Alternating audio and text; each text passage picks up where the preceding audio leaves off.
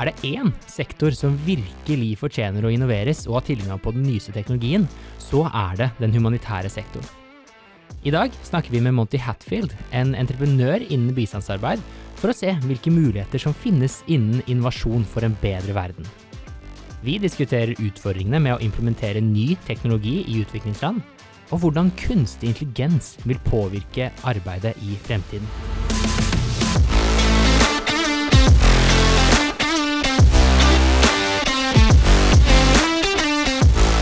Denne episoden har vi gledet oss lenge til. Eh, ikke bare fordi Leger uten grenser er en så rå organisasjon, men også fordi den humanitære sektoren er et område man ikke vet så mye om, og har så mye kontroll over hvilken innovasjon som skjer. Og Mange vil jo også si at dette er en av de viktigste sektorene å innovere og effektivisere. Og Der finner vi Leger uten grenser, som har i 70 år sørget for at barn og voksne får tilgang til helsehjelp der det trengs. Enten det er under naturkatastrofer eller konflikter og kriger. Og det er helt utrolig kult at Leger uten grenser får sine penger fra private givere. Og det igjen gjør at de kan være nøytrale i alle situasjoner. Og de kan rett og slett gå der det er behov for dem, og hjelpe menneskene. For det er menneskene som er i sentrum. Det er ikke de store politiske linjene. Og det gjør dem til badassen i bistandsarbeid. Fordi de slipper inn der det trengs, med sin hjelp, og er sin egen sjef og kan flytte på ressurser ved et knips ved behov. Eh, og ingen kan rette pekefinger av den grunn. Og de kan rett slett hjelpe de som har behov for det. Mm. Og Det er nettopp derfor vi har tatt oss turen til Leger uten grensers kontorer her i Oslo. Fordi vi ser på dem som altså De er ekstra spennende når det kommer til innovasjon. At de er, eh, Det er et raskt tempo, de har en omstillingsevne som er beundringsverdig i bistandsmiljøet. Og eh, dette legger til rette for nye innovasjoner og kanskje nye løsninger. Og Det er det vi skal finne ut i dag, om det faktisk er eh, slik det er. Og med oss har vi en spennende innovatør som har bakgrunn fra NMBU i Ås. Har hatt mange egne innovative prosjekter. Eh, jeg vil, si, jeg vil kalle han en entreprenør. Og eh, dette har han også fått gjort gjennom sitt arbeid med Leger uten grenser i mange forskjellige land. Vi kan nevne Afghanistan, Sør-Sudan, Zimbabwe, Sierra Leone, Jordan, Irak og senest i Ukraina. Velkommen til oss, Monty Hatfield. Tusen takk. Det var en veldig hyggelig introduksjon. skal jeg si. vi har en hedersgjest her i dag. Det har vi. ja, nei, men Veldig bra. Veldig bra. Mm. Vi lurer litt på først, da, og lytterne, hvilken rolle er det du har hatt i Leger uten grenser, og hvilken rolle er det du har i dag?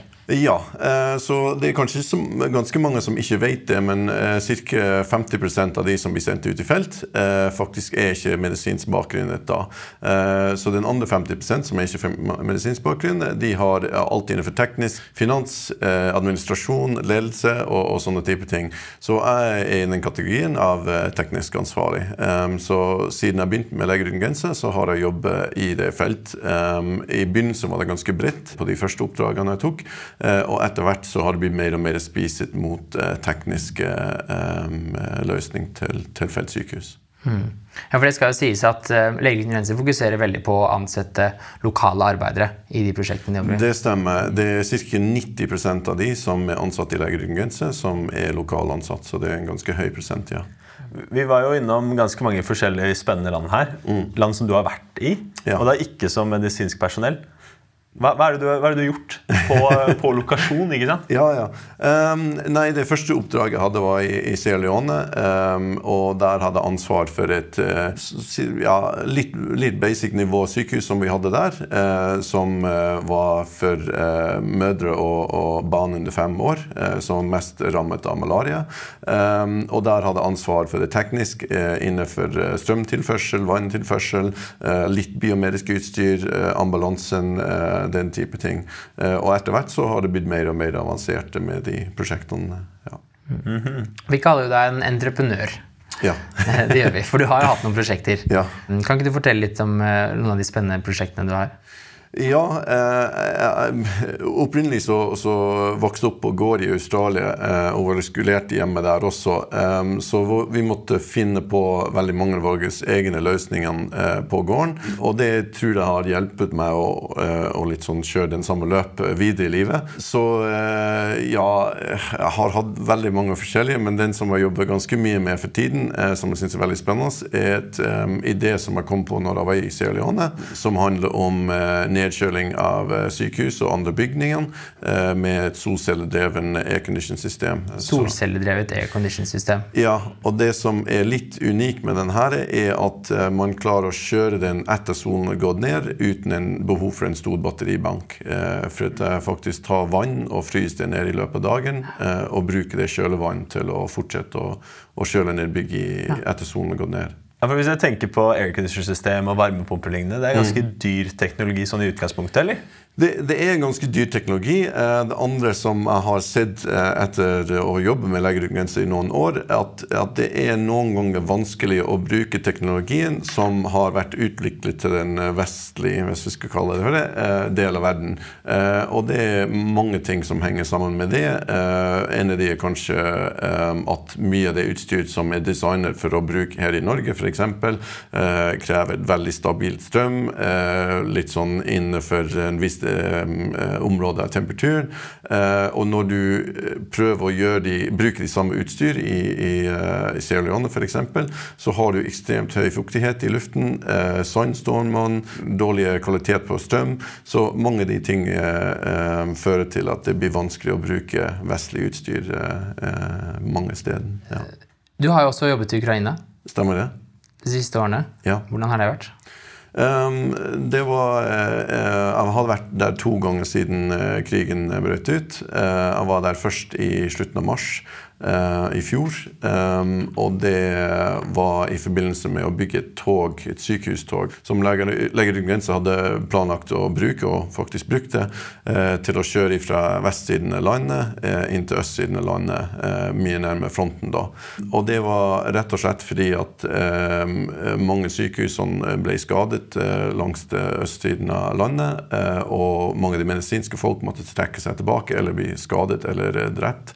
Um, og da begynte det å bygge seg opp ganske mange pasienter på de sykehusene som var i østen, øste del av land. Um, og det var nesten umulig å kjøre dem ut med ambulansene pga. at det var ganske hardt skadet uh, folk, uh, mange av dem sivile. Så da var planen å, å på rundt tre og en halv uke, som var ganske imponerende, men uh, på rundt tre og en halv uke så fikk vi åtte vogn, togvogn fra tidlig 80-tallet som vi reiv ut alt innredning i. Og så satte vi opp egen seng. Eh, vi måtte inn med egen aggregat eh, og eh, en svær UPS, Uninterrupted Power Supply, som, som en backup-system. Som er? Eh, så, som, eh, som, sørger for at hvis det blir et problem med, med generatoren, så, så, klarer den medisinske utstyret å, å fortsette å uh, kjøre. Og den var, det var 14 meter lang med batterirekke. Eller to, to ganger syv meter lang, da. Mm. Dette prosjektet, var det noe Leger uten grenser hadde erfaring med før, eller var det uh, noe de måtte finne opp, eller. På, det, på, det, nivået der så har de aldri gjort noe sånt før. Så det var veldig nytt for oss. det var ganske store utfordring. Vi eh, fant ut eh, at vi måtte faktisk kutte en hull i ene siden på en av vognene, bare for å få en generator eh, inn i toget. Og i tillegg til det så måtte vi ja, endre en god del inn i selve togoppsett for å få det til. Men ja, på tre og en halv uke så, så, begynte vi å kjøre inn til Vesten og, og fikk ut pasientene. Da. Mm. Ja, fordi det er en ting jeg er veldig nysgjerrig på her. Eh, fordi det her er jo ikke standard. Dere kjører Nei. ikke rundt tog i, i, verden og har eh, nivå tre intensivavdelinger på dem. Eh, og så gjør dere det akkurat i Ukraina ja. når det oppstår. Kjenner du til prosessen? Hva er det som gjør at dere gikk for det her? Um, nei, det, det, som er veldig kult med å jobbe med Leger uten grenser, er at uh, den er veldig behovbasert. Um, og, og, siden vi er såpass nøytrale, og i tillegg til det så den funding vi får, er stort sett, som dere sa, fra private folk. Uh, så når vi ser et, et behov oppstå, uh, så trenger vi ikke å gå ut til donors og sånt for å spørre om ok, vi har et prosjekt som vi vil gjerne kjøre, kan du støtte for det, og sånn og sånn. Vi har som oftest penger stående i, i disse her emergency-kontoene våre, eh, som brukes med en gang. Så da så vi ganske tidlig i, eh, i krigen at det var et, et stort behov for å få folk, skadet folk fra østsiden av landet til vestsiden av landet. Og da var det et tog vi landet på, og det tror jeg var riktig valg også. Mm. Var det kollegaer av deg som eh, jobbet eh, på russisk side også? Eh, ja, vi har, vi har i hvert fall det før krigen. Ehm, og vi har i tillegg til det så noen av de plassene som jeg har jobbet, har vært litt mer støttende kanskje til den russiske siden av kampen enn den ukrainske siden. Så vi prøver å holde oss så nøytrale som mulig der. Ja. Mm. Hvordan, hvordan, var det å være der på, på bakken i Ukraina?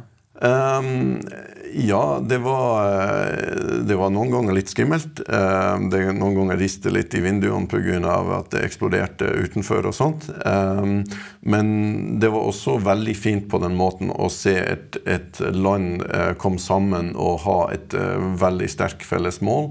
Um, de guttene som uh, jeg bygde toget med, um, det var et svær uh, fabrikk, togfabrikk. De holdt på dag inn og dag ut for å få det toget opp og gå, for de visste at, uh, at det var mange som trengte det i deres land. så det var veldig, veldig, fint på den måten, men også litt tungt innimellom, ja. Mm som utrolig meningsfullt arbeid å kunne bruke ferdighetene dine til å hjelpe ja, mennesker. Du får, eh, du får et, um, et, motivasjon som du ville ikke trodd det fantes i kroppen din. Jeg skal love deg. Det, ja, du kan jobbe ganske mange timer før du blir helt utbrent, som er kanskje litt farlig også noen ganger. det er jo derfor dere ofte ikke jobber så lenge uh, ute i felten om gangen. Ja, spesielt på, på, sånne oppdrag så er de ofte kortere. Uh, det lengste oppdraget jeg hadde, var i Afghanistan. Uh, det var 15 måneder. Men det var nok eh, litt i overkant. Men det var bare for at de klarte ikke å finne noen å ta over ifra meg. Og så sa jeg ok, jeg forlenger en måned til, jeg forlenger en måned til. Og så, ja, til slutt så ble det 15 måneder. Men uh, det var også et veldig fint oppdrag, og jeg angrer ikke på det. ja. Mm.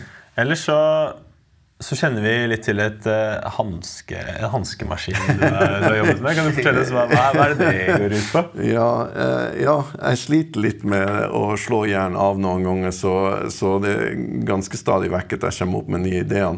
Uh, men jeg var på en bensinstasjon en gang. Og um, sto i en kø, det var ganske lang kø, og en stakkars fyr bak disken som løpte fram og tilbake mellom å betjene kassen og lage burger. Og for hver gang han gjorde det, så måtte han av og på med engangshanske. Uh, og så tenkte jeg at det var ja, unødvendig bruk av tid, men også veldig uh, dumt i forhold til miljøet å kaste hanskene som har bare, bare, vært brukt i noen få sekunder noen ganger. Uh, så lagde jeg en maskin som fikk deg til å kunne parkere hanskene oppi den, og så blir det rengjort med en UV-lys og sånt eh, mens, eh, mens, man holder på å bruke kasse. Um, så det har jeg faktisk fått solgt eh, til noen land rundt omkring i verden, og, og har en dialog gående med et, et amerikansk selskap om mm. Lisensiering også. Mm. For det er jo litt sånn ideer oppstår. At man ser problemer. Ja, ikke sant? det er absolutt det. Uh, og, og når, Hvis man trekker dette over til bistandsarbeid, da, ja. så er det jo da mye lettere å se innovative løsninger. Ja. Hvis man faktisk ser for seg hvordan det er der. Altså ja. At man er der nede og jobber selv og ser problemene. Uh, nå har jeg selv jobbet for uh, både Leger uten grenser mm. og Røde Kors i Gaza. og da ser man jo litt hvor det er forbedringspotensialer. men men veldig mange av de som hører på oss nå, meg inkludert, mm. vet jo ikke hvordan det ser ut eh, der du har jobbet. Mm. Klarer du å gi oss et bilde av hvordan det ser ut i de forskjellige landene? Um, ja, det, det, varierer veldig um, fra land til land og prosjekt til prosjekt. Det, det vil sannsynligvis se ganske basic ut. Um, noen telt og litt sånt. Uh, det er litt pga. at uh, det kan være i ett område i noen uker, og så må du bevege deg bort til et annet område. Og, og, man trenger sannsynligvis ikke så veldig avansert utstyr for å behandle det mest uh, intravenøse vann. Eller, ja. um, men noen av de mest avanserte er kanskje Afghanistan og, og Ukraina, som har jobbet i. Um, så ja, store variasjoner. Eh, jeg hadde vært med å sette opp oppblåsbare eh, sykehus, eller operasjonssal i, i Sør-Sudan, som var veldig kul. Også vært med og satt opp sånn små klinikk ut av bambus og, og litt andre ting. Så ja, det er en stor variasjon. og, og det beste man kan ofte gjøre, er å se hva man har rundt seg, snakke med de lokalene. Eh, for prøv du å begynne å sette inn eh, litt sånn den teknologien eller ehm, Eh, byggemåte du har hjemmefra, så blir det ofte feil. fordi at det, enten råtner det, eller så blir det tatt av flom. flom eller det, ja. Så det er viktig å, å, snakke med de lokalene og prøve å lære så mye fra dem før du setter i gang med, med sånne prosjekter. Ja. Ja. Mm. Jeg er også nysgjerrig på altså, 15 måneder i Afghanistan. Eh, de, gjennomsnittlig nordmann og kanskje student sitt perspektiv på Afghanistan er jo sikkert i stor grad gjennom nyhetsbildet. Ja. Krigssituasjoner. Ja. Har du lyst til å fortelle litt om, om stemningen der? Altså, dere kommer som vestlige folk, prøver å hjelpe til. Du snakker om ja. at du har kontakt med, med de lokale befolkningen. Ja. Ja, jeg har, når jeg begynte i Afghanistan, så, så var jeg først sendt sør i Afghanistan, til et by som heter Lashkaga uh, i Helmand Provence. Um, og um, det var på et ganske stort sykehus der. Uh, og siden jeg var på det samme sted i fem måneder, så begynte jeg å bli ja, godt kjent med, med noen i lokalene. Dessverre pga. sikkerhetsreglene og sånt, så fikk vi ikke lov å gå hjem til dem. Eh, og Det var veldig mange der, veldig gjestfrie folk, eh, og ville gjerne ha invitert oss hjem til, til, dem for å spise middag eller helse på familien. Eh, men ja, pga. sikkerhetsreglene og sånt, så var det ikke mulig. Um, men uh, etter det så begynte jeg å jobbe som uh, flyvende teknisk ansvarlig for hele landet. så da begynte vi å, å bygge noen flere sykehus, og da ble jeg kjent med litt forskjellige områder i Afghanistan. Fikk sett en del av den vakkert landskap de har der, som er helt utrolig. Um, og ja, ble litt språkforvirret, for de har tre hovedspråk i Afghanistan som hjelper ikke for meg å lære. Um, men uh, ja, eh, veldig, veldig, bra opplevelse, da. Alt i alt. Ja. Så, så, apropos det, sånn når du skal innovere mm. ute i, i behov, da. Ja Kommer det stort sett ut av at du er på lokasjon og ser noe? Ja. Og så, og så kommer utfordringen. da. Er det, er det liksom hvordan skal den dyre, vanskelige teknologien her tilpasses omgivelsene? Uh, det første er Ja, uh, det, kommer når det er først i felt. Uh, det, det, er absolutt sant. Og, og, da begynner jeg å tenke litt på det. Men det første jeg ofte gjør, er å gå rett til eh, skraphaugen eller det, søppeldunken eller det, og begynne å se ok, hva har vi her som kan brukes. Eh, og hvis man eh, er litt flinke, så er det ganske utrolig hvor mye man kan få ut av gammelt søppel som ligger rundt, um, eh, for å begynne å bygge ting eller teste ting. Eh, det er der jeg går først, i hvert fall. Eh, og hvis jeg ikke finner det jeg trenger, så begynner jeg å se litt eh, bredere ut. da. Um, med det solcellesystemet til Ekenisning den brukte jeg gammel bildeler og uh, gammel elektrisk motor og vanntanker og um, alt mulig rart. Uh, men fikk det til å funke. Og, ja. Hva er grunnen til at du bruker gamle skrapdeler? Eh, det er gratis, og som oftest er det gratis. Det er lokalt, så jeg trenger ikke å frakte det så veldig langt, som gjør at jeg får eh, tak i det med en gang, istedenfor å måtte vente og slippe å betale frakt.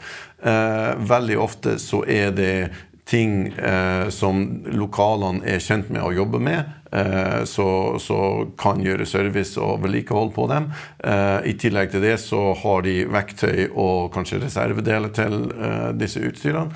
Um, så ja, det, det er hovedsakelig det. Veldig behovsprøvd da, på stedet. Ja. Men hender det du kan ta det videre og skalere det? Ta det andre steder?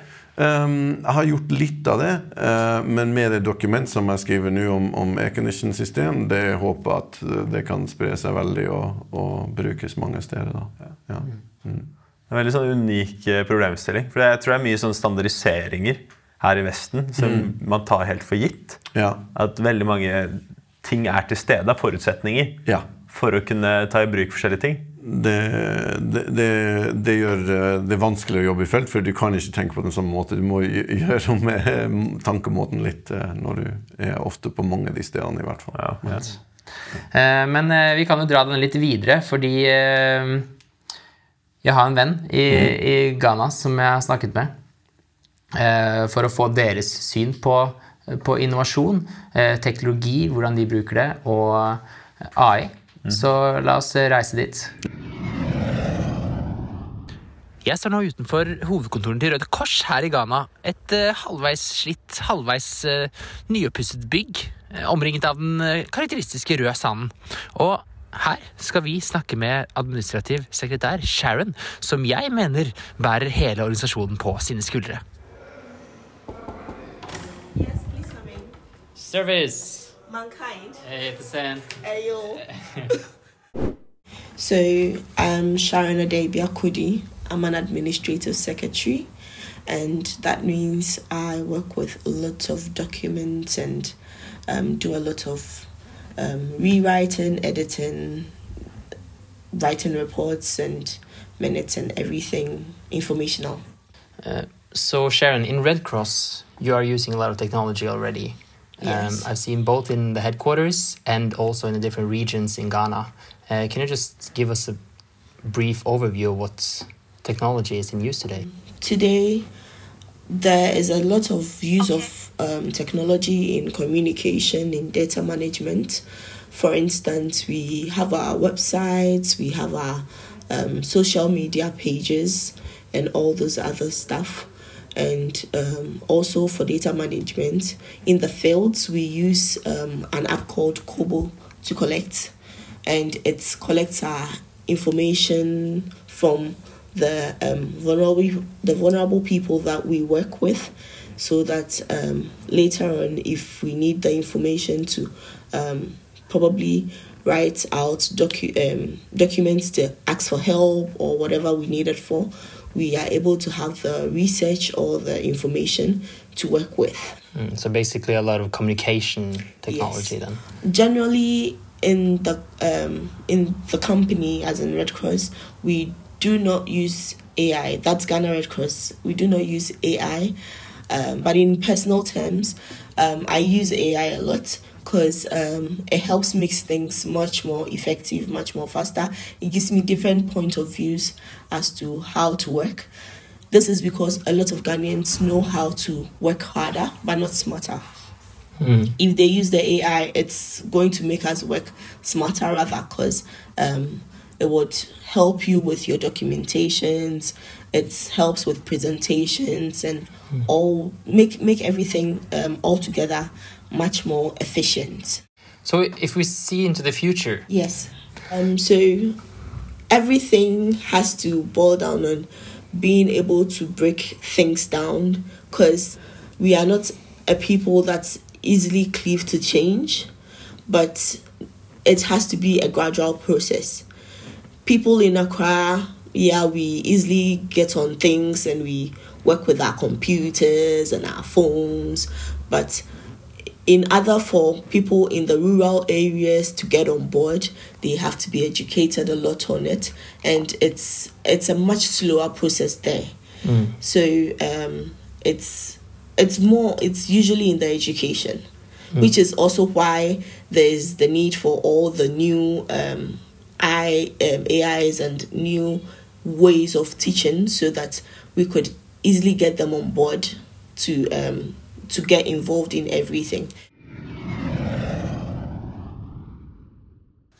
Nei, Vi hørte jo nettopp fra Sharon. Eh, plassen til AI i Røde Kors Ghana. Det jeg lurer på, det er hvilken plass har AI i Leger uten grenser? Ja, det lurer litt jeg på også. Eh, det Har vært- det, det har vært en god del diskusjon eh, rundt det. Um, eh, og det har visst vært visse utfordringer med det også. Um, litt tilbake til den internett um, som kan påvirke det. Spesielt hvis man skal ha noe bildegjenkjenning eller sånne ting. Eh, vi har kjørt eh, noen testprosjekter med uh, bildegjenkjenning for røntgenbilder og sånt, eh, som kan hjelpe de medisinske eh, med det. Vi har eh, også vært en god del dialog om eh, personsikkerhet eh, i forhold til det. For mye av det vi snakker om i felt og, og på e-mail og sånt, eh, kan handle om pasientene, som har selvfølgelig et må beskytte identiteten deres og, og litt sånn bakgrunn. Um, og i tillegg til det så jobber vi i ganske mange utsatte områder med militær aktivitet eller krig eller sånt. Så det er en sikkerhetselement til det hele også eh, som vi må ta i betraktning. Men for, for det så, så er jeg veldig sikker på at vi kommer til å bruke det mer framover. Eh, jeg er veldig sikker på at det er mange ting som vi kommer til å oppdage som den kan brukes til etter hvert. Men eh, det må gjøres på litt forsiktig måte også. Og da lurer jeg på hvordan, dette her, hvordan dere går fram. Fordi Leger uten grenser og andre humanitære organisasjoner er jo ikke de med mest midler til investeringer eh, og, på teknologi. da. Ja. Em, så gjør dere pa, altså, Er det folk som donerer utstyr? Er det folk som em, ja, donerer løsninger, eller hvordan går dere fram? Uh, vi, vi har en del uh, samarbeid med mange forskjellige selskap og, og andre organisasjoner uh, på mange forskjellige plan. På den AI-biten, um, i forhold til donasjon av utstyr og sånt, eh, det skjer ganske lite egentlig, for vi er veldig forsiktige med hvem vi samarbeider med da. Så vi vil helst ta den eh, private donor. Fordi det vil gi en påvirkning på nøytraliteten deres? Ja, stemmer det. Mm. Jeg har jo et inntrykk av at ting eh, går litt treigere enn i andre sektorer, som er helt naturlig. Du har mindre moderne teknologi, som også er naturlig. Eh, samtidig så får du eh, penger Altså alle, hele inntektskilden din er fra private givere som donerer penger til, til organisasjonen. Og da kan du forvente oss at pengene brukes på den mest effektive måten. Og er det noe innovative løsninger og teknologi kan hjelpe med, så er det jo effektivisering.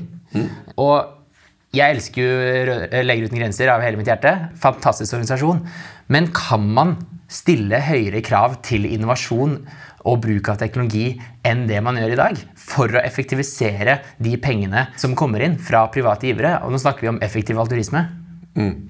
Jeg tror det er alltid en mulighet for, for å forbedring. Som jeg sa i stad, det, det er en god del utfordring med det, um, uh, utvikling i felt og, og innovasjon i felt. Um, uh, det henger veldig mye sammen med den arbeidet vi prøver å gjøre. Uh, og at man må reagere veldig raskt eh, ofte.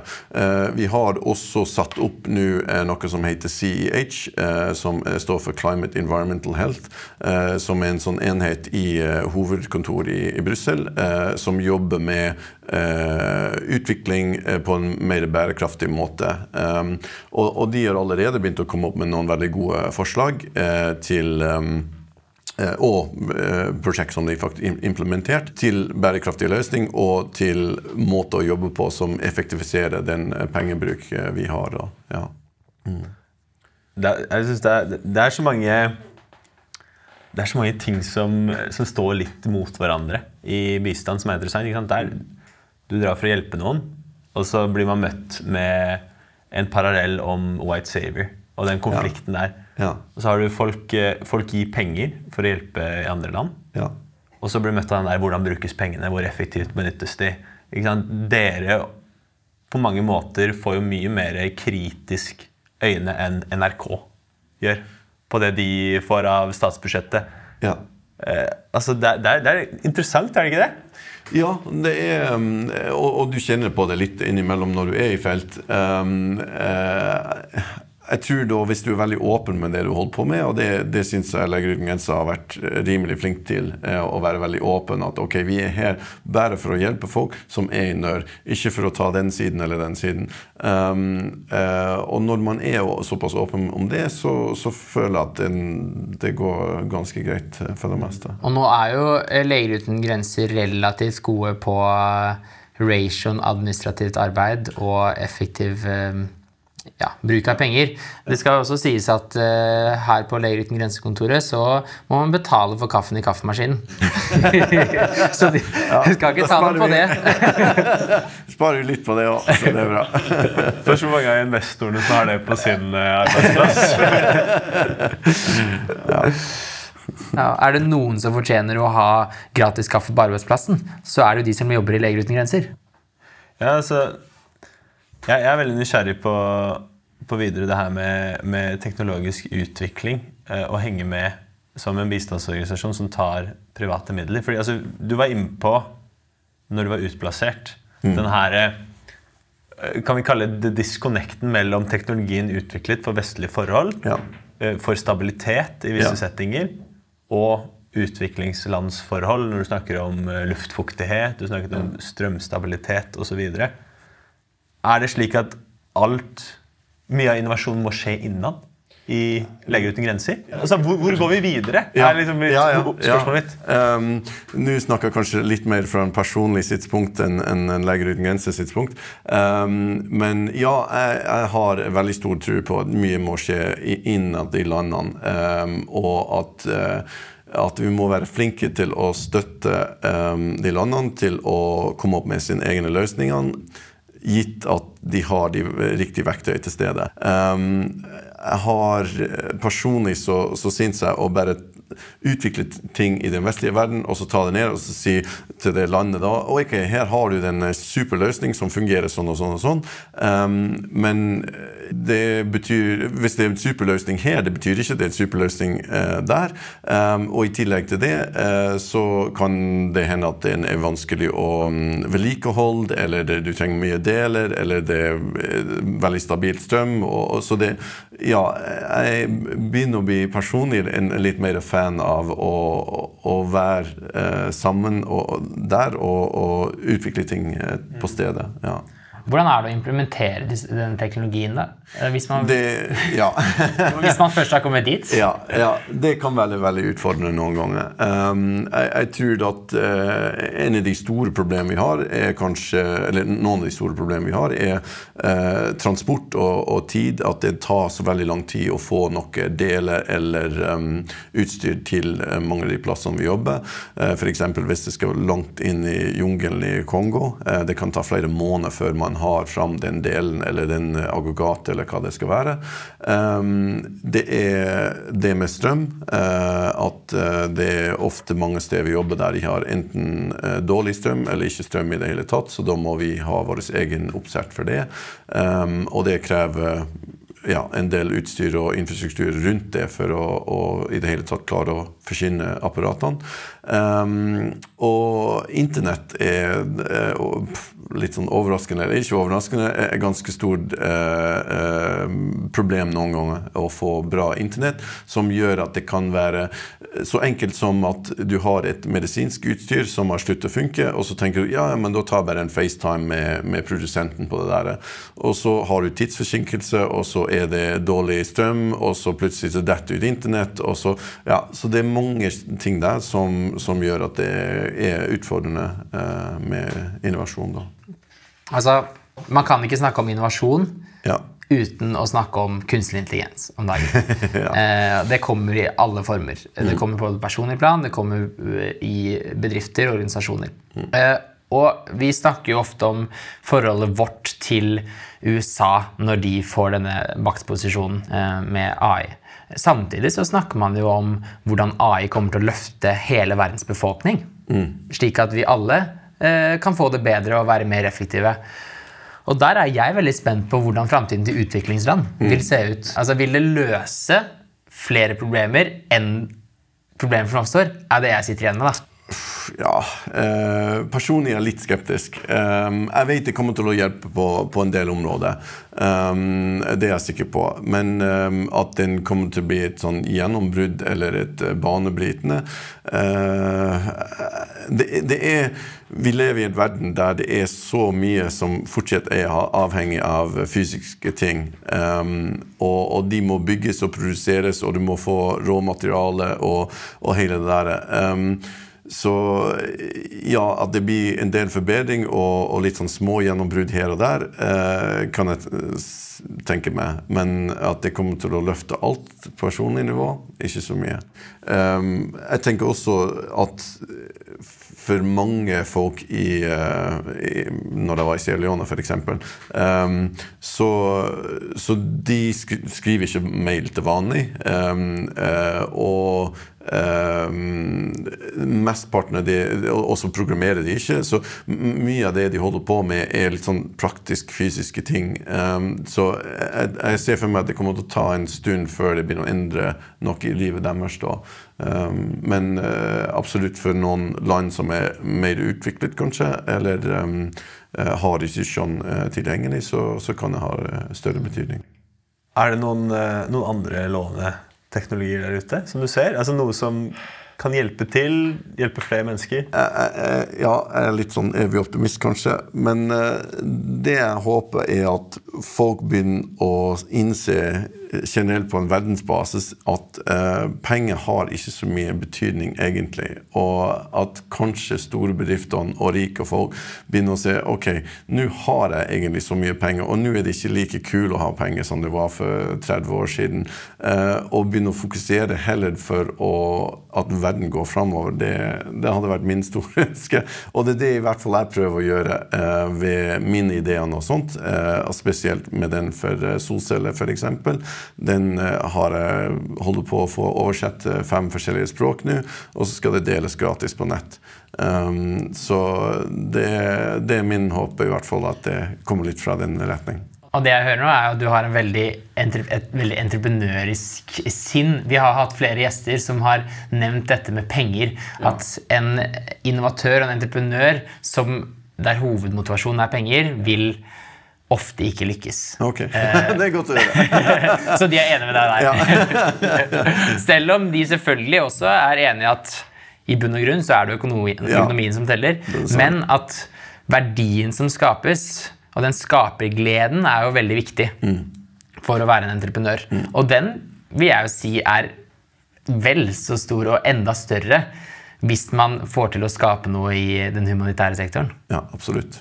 Helt enig. Ja, fordi det her kommer vi inn på et veldig interessant tema, som er hva er det som driver mennesker. ikke sant? Og, én en ting er hva man sier, men en annen ting er hva man gjør òg. Ja. Så jeg syns det er utrolig fascinerende å høre på. Ja. Jeg, jeg, har lyst til å stille deg kanskje litt sånn banale rett frem spørsmål. Hva, hva, er det som driver deg? Hva motiverer deg? Hvorfor, hvorfor gjør du de greiene? Um, du kunne jo sikkert eh, starta bedrift ja. og, og det, fått mer penger, da, siden vi snakket om penger. eller ja, ja, ja. Nei, jeg har, har, hatt en god del bra jobbtilbud og sånt som jeg har sagt nei til. Men, men uh, for, for, min del personlig jeg, Jeg tror jeg blir bare glad å se folk når de er glad. Jeg tror det er mest det. Um, og ja, å få, få, bygget noe med veldig minimalt av teknologi eller utstyr og sånt, og, og den der utfordringen med å OK, Monty, her er, her er, noe som vi ikke tror er mulig å gjøre, men kan du prøve? Ja, når jeg hører noen si nei, den kan vi ikke gjøre, for det er umulig. Det, det, med en gang jeg hører noen som sier det, da vil jeg inn og, og prøve å gjøre det, selvfølgelig. Men uh, ja, å se at folk er glad, uh, det, det setter jeg veldig stor pris på. Så det motiverer mye. Men. Jeg syns det er veldig spennende å snakke om. Innovasjon i bistandsarbeid. Ja. Hvilke muligheter som finnes. Så jeg håper at uh, de studentene som, tenker, som, brenner litt for, uh, for, bistandsarbeid, har fått litt øynene opp for at det går an å være litt entreprenør innenfor, uh, innenfor det også.